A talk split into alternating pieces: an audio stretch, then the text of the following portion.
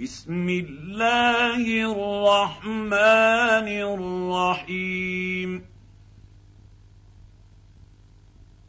ألهاكم التكاثر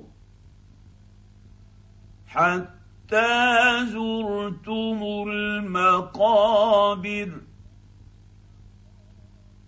كلا سوف تعلمون.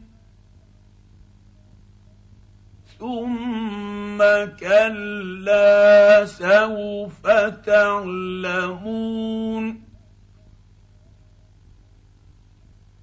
كلا لو تعلمون علم اليقين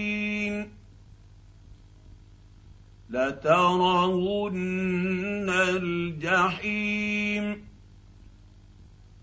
ثم اليوم لترونها عين اليقين.